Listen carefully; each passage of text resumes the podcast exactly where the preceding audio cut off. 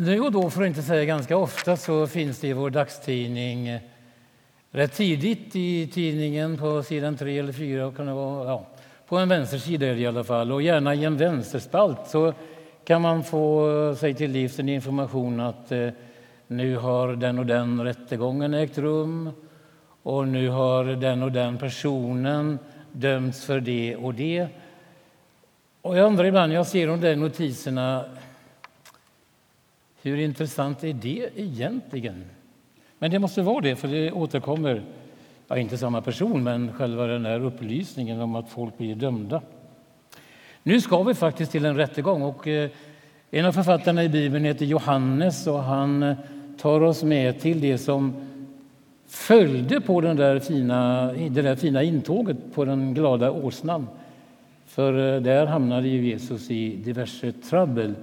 Och nu får ni stå upp och höra den här söndagens evangelietext ur Johannes evangeliets 18 kapitel. Jag tror det är sidan 1405 i psalmboken. Och det är bara två verser, så nu, nu går det fort. Jesus säger Mitt rike hör inte till denna världen. Om mitt rike hörde till denna världen hade mina följeslagare kämpat för att jag inte skulle bli utlämnad åt judarna. Men nu är mitt rike av annat slag. Pilatus frågade, du är alltså kung? Jesus svarade, du själv säger att jag är kung. Jag har fötts och kommit hit till världen för denna enda sak, att vittna för sanningen. Den som hör till sanningen lyssnar till min röst. Varsågod och sitt. Och vi dröjer några små ögonblick i egen bön och du formar inom dig den bön som du känner att du vill be just nu.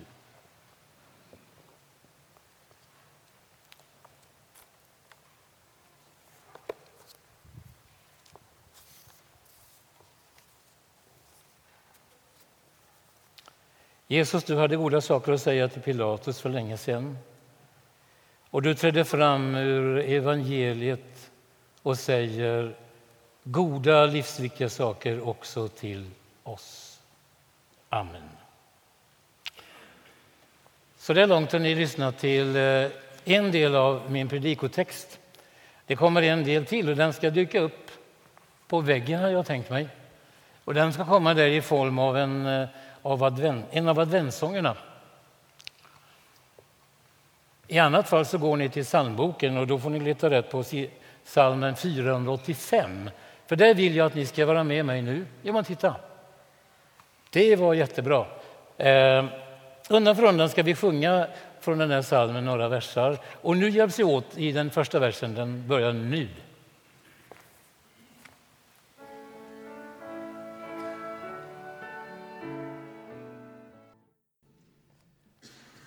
Och då är det så att vi firar vårt advent och vi sjunger våra adventsalmer därför att det finns ett rike av ett annat slag.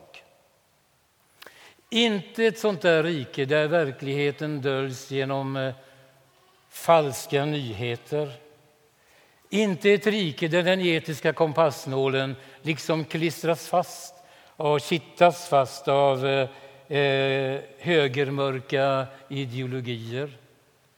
Inte ett rike av det slag där omvärldsanalysernas ibland väldigt skarpa rapporter döljs i sanningsresistentens mörker. Vi firar advent och vi sjunger våra adventssånger därför att det finns ett rike av ett annat slag. Ett inflytande och ett sammanhang där sanning får vara sanning. Där sanning får ge ljus, där sanning får hjälpa oss med analys där sanning får hjälpa oss med väg, vägriktningen framåt. Och ett rike där den ibland bisarra verkligheten inte förskönas av dem som vill försköna.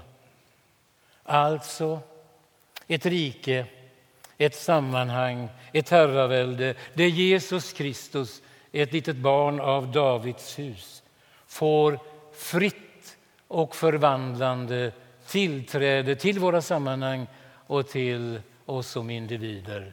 Nu sjunger vi vers 2.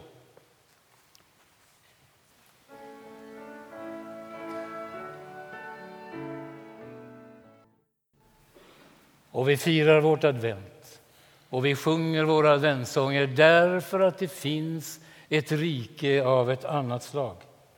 Inte ett rike av det slag där individualismen tränger sig före och utplånar solidariteten. Inte ett rike där humanitetens låga kvävs av minsta vindpust. Inte en påverkanssfär där kärlek görs till handelsvara. Inte ett rike av det slag där komplexa kluster av värderingar godkänner att det är okej okay att utnyttja barn sexuellt, att det är okej okay att slå kvinnor, att det är okej okay att spränga moskéer, att det är okej att konkurrerande kriminella gäng skjuter ihjäl varandra. Inte ett rike av det slaget där det tycks vara okej att den som konverterar till kristen tro kontinuerligt ska utsättas av maktens och myndighetens misstro. Inte ett sånt rike av det slag där det tycks vara okej okay att skicka en ung afghansk medlem i denna församling tillbaka till Afghanistan där hot om död gäller. Vi firar advent och vi sjunger våra adventssånger därför att det finns ett rike av ett annat slag. Ett rike där riket, rikets talesman Jesus Kristus levde kärlek rakt ut och ända ut.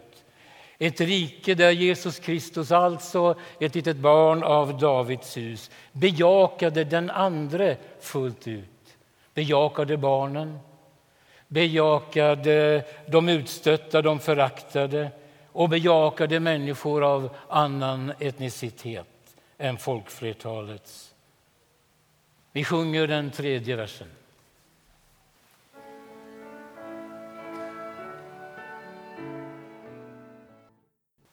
Vi firar advent. Och vi sjunger våra adventssånger därför att det finns ett rike av ett annat slag.